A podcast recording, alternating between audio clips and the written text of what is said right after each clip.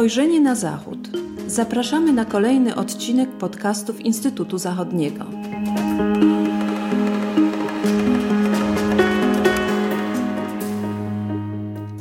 Dzień dobry, witamy w kolejnym odcinku podcastów Instytutu Zachodniego. Dziś przypomnimy Państwu wydarzenie sprzed 75 lat, y, kiedy to we Wrocławiu y, między 21 lipca a 31 października 1948 roku dostępna była dla zwiedzających imponujących rozmiarów wystawa ziem odzyskanych. Y, miejsce prezentacji tak naprawdę najnowszych zdobyczy technologicznych, nowych prądów artystycznych i dziś o tej wystawie e, porozmawiamy z profesorem Andrzejem Saksonem z Instytutu Zachodniego i z Uniwersytetu imienia Adama Mickiewicza. E, dzień dobry. Dzień dobry, witam Państwa.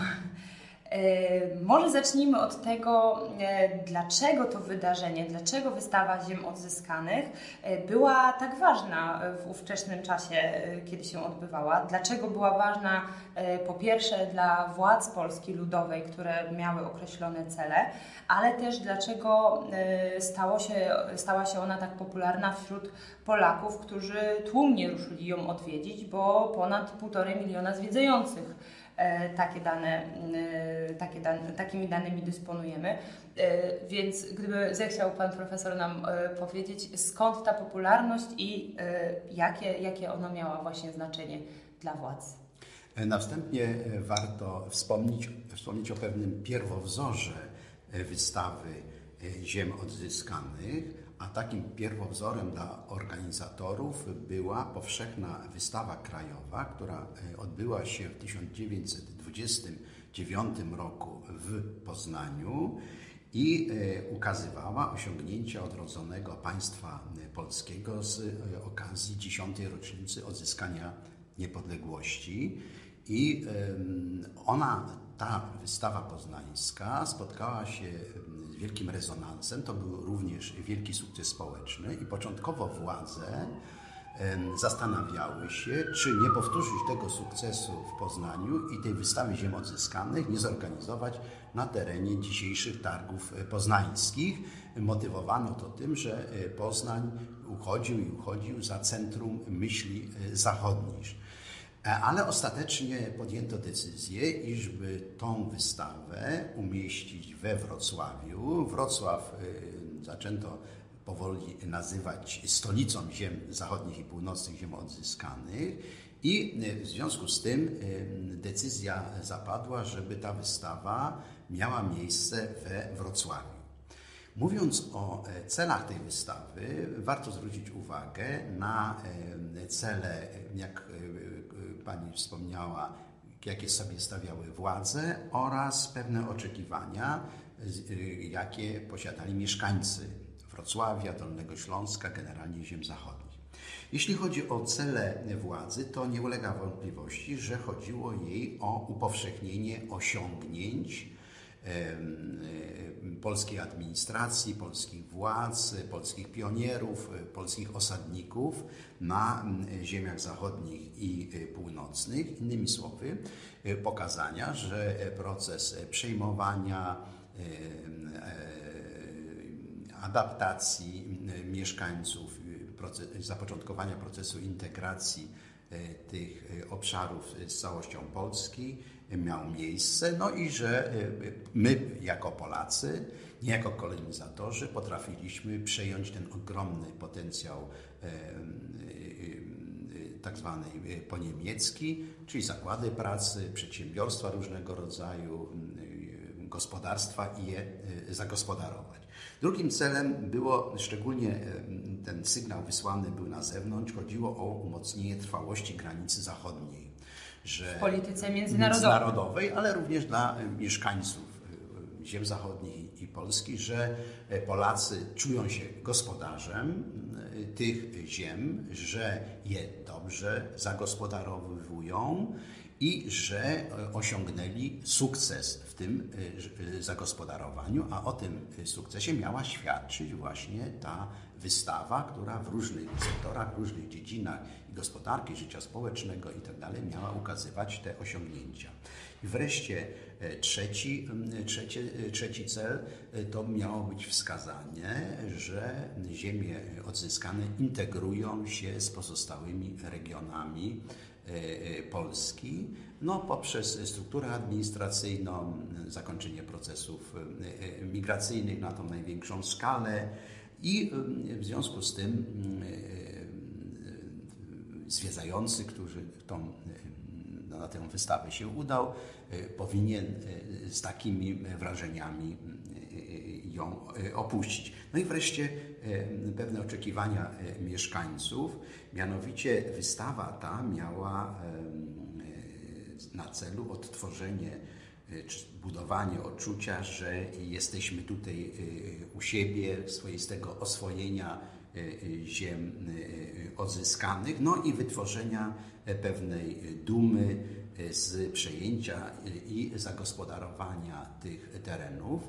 Dla e, mieszkańców ziem zachodnich to był też ważny sygnał, że władze przywiązują istotną, ważną rolę tym y, obszarom, że stworzyły Ministerstwo Ziem Odzyskanych. Innymi słowy, że problem zintegrowania tych terenów jest ważną sprawą narodową i niekiedy nawet porównywano go do procesu mm, zintegrowania trzech terenów y, mocarstw zaborczych w państwowość II Rzeczpospolitej, co uważano za wielki sukces i y, y, władze, ale nie tylko, ich społeczeństwo też dążyło w okresie powojennym do tego celu, że zintegrowanie ziem odzyskanych stanowiących jedną trzecią terytorium państwa polskiego to też wielki sukces y, całego społeczeństwa, a szczególnie pionierów i tych mieszkańców, którzy zagospodarowali ten, ten obszar. Innymi słowy, te, te cele ze strony władz, jak i mieszkańców, one w znacznej mierze się pokrywały, przeplatały i świadczyły o wadze tego wydarzenia nie tylko jako e, takiej wystawie ukazujących osiągnięcia, ale również mających kształtować pewną dumę oraz pewną mitologię ziem odzyskanych. Czyli umacniać, umacniać ten przekaz, który, który władza e, do tej pory starała się e, ukształtować. Bardzo dziękuję. E, warto dodać, że ta wystawa była e, naprawdę ogromnym przedsięwzięciem. E, zajmowała, zajmowała tereny wokół hali stulecia i też tereny, gdzie obecnie we Wrocławiu znajduje się zoo, także częściej znajdowały się w mieście. I tak jak wspomnieliśmy, prezentowała dotychczasowe osiągnięcia, umacniała powiedzmy obowiązującą wówczas propagandę, ale także, aby przyciągnąć, yy, przyciągnąć zainteresować yy, mieszkańców yy, Polski, nie tylko Wrocławia, do jej odwiedzenia, do zaangażowania się w, w to wydarzenie. Była też bogata w elementy, powiedziałabym dzisiaj, z dzisiejszej perspektywy nieco, nieco egzotyczne. I tutaj chciałabym się dopytać, czy mógłby Pan nam powiedzieć o takich powiedzmy nietypowych pomysłach, które były zrealizowane na wystawie? I też może warto wspomnieć, dodam, skąd czerpał Pan wiedzę o tym, jak uczestniczenie w tej wystawie wyglądało, bo wiem, że niejako z pierwszej ręki. Także być może coś o tym charakterze samego uczestnictwa, gdyby Pan profesor mógł nam powiedzieć. Tak, w istocie było mój dziadek ze strony mojej mamy Jan e, e, Adamiak e, wraz z rodziną był pionierem, był osadnikiem na Dolnym Śląsku w, na wsi, jednej, na wsi koło, koło Lubina, niedaleko Legnicy. I on opowiadał o tej wystawie i o różnych szczegółach, ale nim do tego przejdę, może kilka takich ogólniejszych uwag na temat samej wystawy, bo moim zdaniem ona miała nowatorski charakter dotyczący pewnej ekspozycji, samego zaaranżowania e, tejże e, wystawy. Ona odbywała się w trzech różnych e, miejscach we Wrocławiu, innymi wokół hali ludowej, obecnego, dwor, obecnego siedziby zoo oraz w centrum miasta. I tam zastosowano wiele nowatorskich takich rozstrzygnięć architektonicznych, na przykład pawilon chemii czy symbol tej wystawy w postaci iglicy, która stoi do dzisiejszego dnia. Sama, same ekspozycje były też niezwykle interesujące nowatorsko zaprezentowane. Na przykład przedstawiono prace górników, włókniarzy, innymi słowy, na, w poszczególnych pawilonach tejże wystawy były, były zainstalowane konkretne maszyny, i zwiedzający mogli e, no, przyjrzeć się jak na zaaranżowanej kopalni, czy e, w fabryce włókienniczej, e, czy w innych zakładach można się produkuje określone towary. Te towary można było też nabyć, wiadomo, okres powojenny, okres permanentnych deficytów, więc to też stanowiło o pewnej atrakcyjności tejże wystawy, co warto podkreślić, zresztą ten nowatorski charakter podkreśla się do dnia dzisiejszego. Natomiast jeżeli chodzi o pewne wątki osobiste, to jak wspomniałem, związane były z moim dziadkiem, który był rolnikiem i jego buraki cukrowe dużych, wielkich rozmiarów, no takie pokazowe byśmy powiedzieli, były eksponowane w dziale rolnictwo na tejże e, wystawie we Wrocławiu. On był zresztą uczestnikiem. Ja potem, e, gdy dziadek opowiadał, to e, zadałem mu z kolei pytanie, no jak to się stało, dlaczego akurat on na tym, tym jego polu i jego gospodarstwa te, te buraki były eksponowane i dzięki czemu to można zawdzięczać.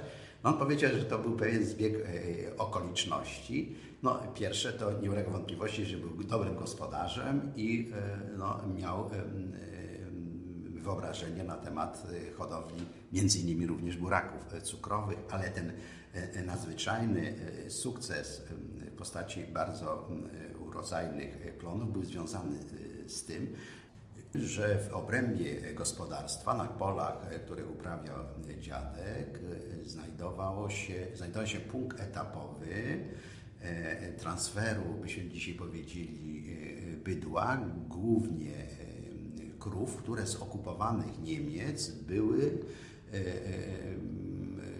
nie drogą kolejową transportowane do Związku Radzieckiego, tylko po prostu od miejsca jednego do drugiego były e, przepędzane przez żołnierzy e, Armii Czerwonej. No i e, w związku z tym, że ten proceder trwał około, około roku i te zwierzęta na dużym stosunkowo obszarze się znajdowały, no i tam dzięki temu, że te zwierzęta dzień, dwa przebywały, żeby odpoczęły przed następnym przemarszem etapem, no pozostawiały po sobie swoiste pamiątki, które e, e, e, użyźniały tą glebę.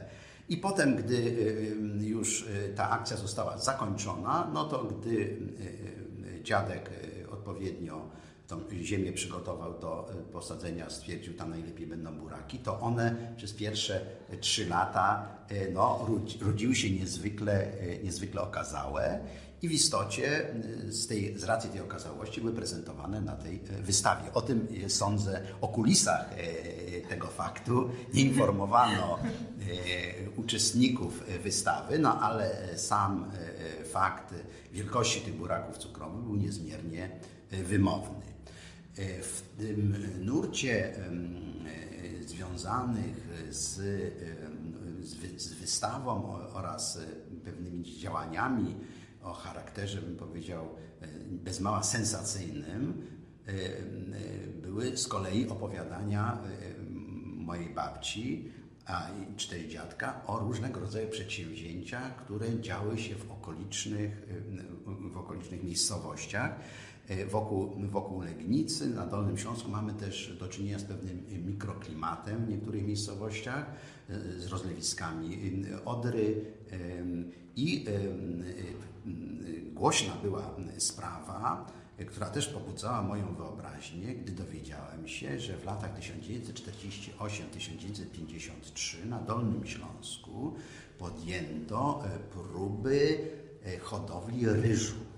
I w kilku miejscowościach, między innymi jak Gródek, Leszkowice czy Lasowice pod Wrocławiem, to były głównie PGR-y bądź spółdzielnie produkcyjne, bo tam był wymagany dosyć duży areał tej ziemi.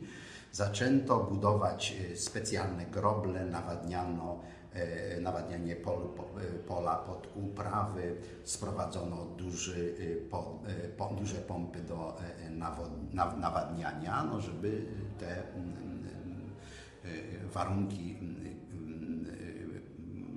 produkcyjnie, nazwijmy to tak, e, spełnić, e, odpowiedni sposób e, wsadzić to i tak dalej, i tak. Ten cały projekt realizowany był przy wsparciu Instytutu Hodowli i Akulturacji Roślin w Puławach i wydawało się początkowo, że on zakończy się sukcesem. Ba nawet Trybuna Ludu na początek lat 50.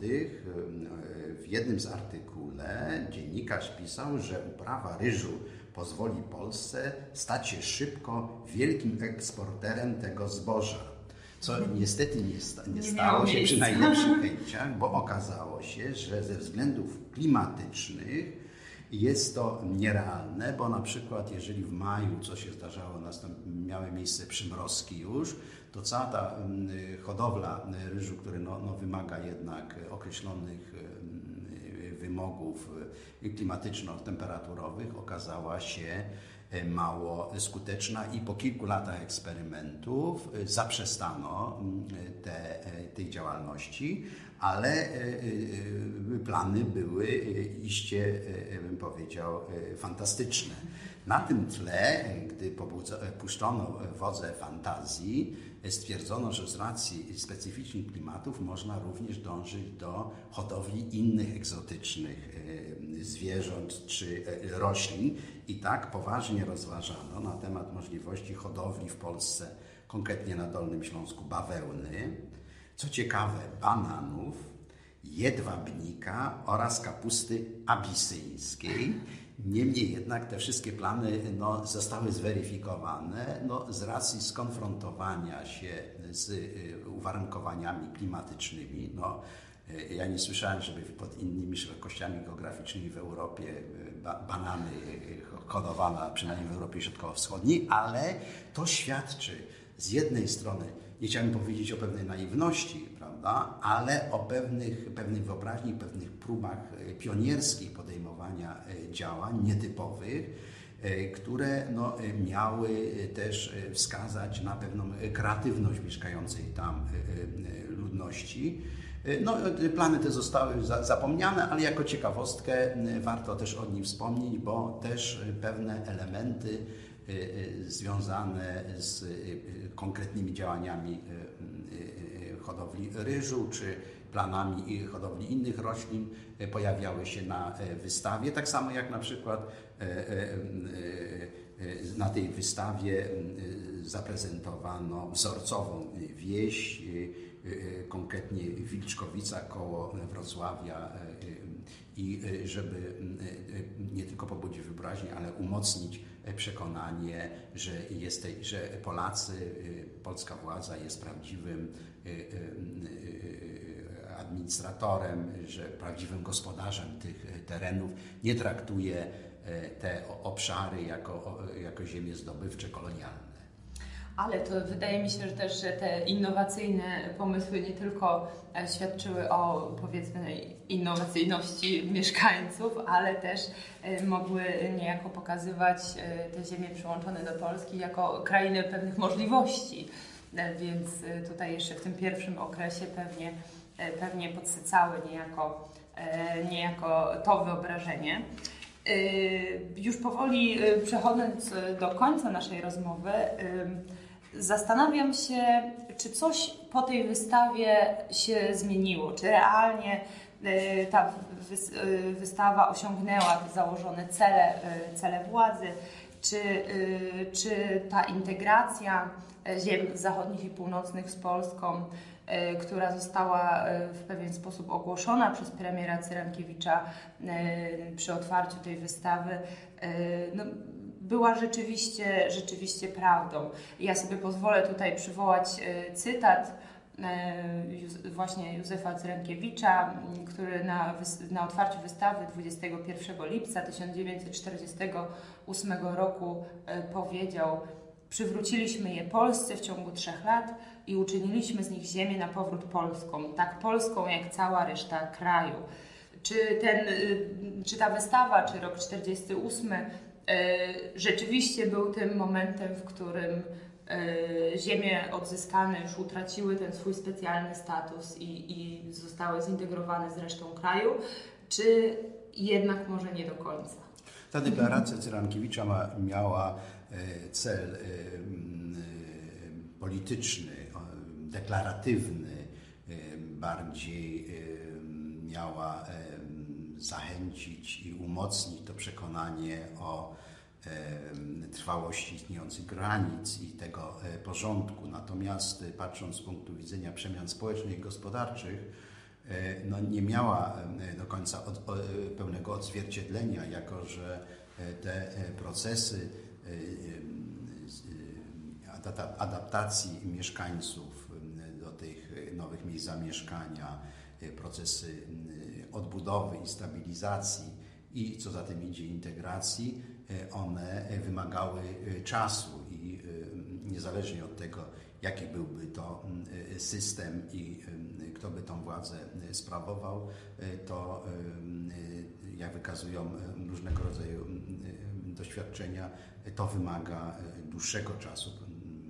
I ta deklaracja miała e, charakter bardziej propagandowy. Zresztą e, w takiej mniej więcej odległości co 10 lat różni politycy e, stwierdzali w różnych wystąpieniach, kolejnym był potem Władysław Gomułka, który, czy, czy wcześniej Bolesław Bierut, który też zapewniali, że te ziemie odzyskane się w pełni zintegrowały co miało również znaczenie w wymiarze międzynarodowym, no bo też szczególnie w ówczesnej Republice Federalnej Niemiec podawano wątpliwość w ogóle sensowność przyznania tych terenów. Natomiast kwestia granicy zachodniej Polski była też kwestionowana przez różne siły polityczne. Ona nie była poparta porozumieniami międzynarodowymi, w związku z tym tego rodzaju wystąpienia, jak wspomniane wystąpienie Józefa Syrankiewicza, miała bardziej charakter e, deklaratywno-propagandowy niż ukazujący e, rzeczywiste przemiany dokonujące się na ziemiach zachodnich, co nie oznacza, że sama wystawa była wielkim sukcesem. No, świadczy o tym e, na przykład tytuły książek czy artykułów 100 wielkich dni Wrocławia, czy też fakt, że z okazji 75. rocznicy ukazały się artykuły tej wystawie poświęcone, że my w ogóle na ten temat rozmawiamy. Otóż wystawa pod względem organizacyjnym, koncepcyjnym była, była wielkim sukcesem i ona też na trwałe zapisała się w świadomości tych, którzy ją odwiedzili oraz szerzej w mediach ogólnokrajowych czy też międzynarodowych. Między innymi gościem wystawy był znany twórca Pablo Picasso. E, e, w szereg tych nowatorskich rozwiązań wystawienniczych opisywanych prasie, prasie światowej. No i dla samego Wrocławia to był też istotny element, jako że no, Wrocław był niezwykle silnie bombardowany i zniszczony, e, co wynikało w znacznej mierze z faktu ogłoszenia tego miasta za twierdzę i na przykład wyburzanie e, w centrum całych kwartałów, całych dzielnic, całych ulic, żeby można na przykład stworzyć lądowisko, lotnisko do e, dostarczania amunicji czy wywożenia ludzi.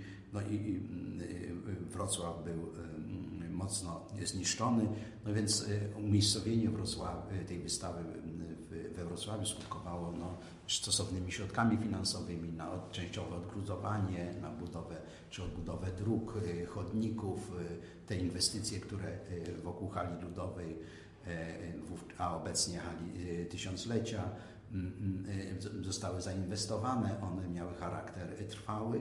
No i ta wystawa mm, umocniła ten y, mit y, Wrocławia jako stolicy ziem odzyskanych oraz przebiła się do szerszej opinii publicznej w całej, w całej Polsce, że Polacy dobrze sobie radzą z procesem przejmowania, zagospodarowania i integracji ziem zachodnich i północnych, czego namacalnym przykładem była właśnie ta wystawa, gdzie każdy zwiedzający mógł się osobiście przekonać, oglądając poszczególne pawilony poświęcone przemysłowi, górnictwu, rolnictwu itd., tak itd., tak że te działania polskich osadników, polskich pionierów, polsko, polskich władz są e, właściwe i że jest to e, powód do dumy, a nie do e, wstydu. I takie, taki, taki przekaz on też znajduje się w tej swoistej mitologii ziem odzyskanych, która była istotna i ważna dla nowych osadników, którzy przybywali do miejscowości, e, w których bądź wszyscy Niemcy zostali już, już wysiedleni albo niebawem mieli być e, wysiedleni. E, w związku z tym ta, ta sama wystawa, która już miała miejsce po zakończeniu tych wielkich ruchów migracyjnych, miała udowadniać, być powodem do dumy, zadowolenia i budować przekonanie, że te setki tysięcy osadników nie przybyły tu jako kolonizatorzy na e, krótki okres czasu, tylko że e, te e, procesy historyczne związane z II wojną światową i przyłączenia ziem odzyskanych do Polski będą miały trwały charakter. Dziękuję bardzo. No, tak jak Pan powiedział, była to wystawa, która była bardzo istotna dla ówczesnych mieszkańców Wrocławia, ale też całej Polski. I tak jak e, mogliśmy obserwować w ostatniej e, publicystyce, też po tych 75 latach, nie, nie powiedziałabym może, że dla nas jest ważna, ale na pewno wzbudza, e, prowokuje dyskusję na temat integracji ziem zachodnich i północnych z resztą kraju, więc mam nadzieję, że zainteresowaliśmy Państwa tym tematem. Panie profesorze, serdecznie dziękuję za rozmowę, a Państwa zapraszam na kolejne odcinki podcastów Instytutu Zachodniego. Dziękuję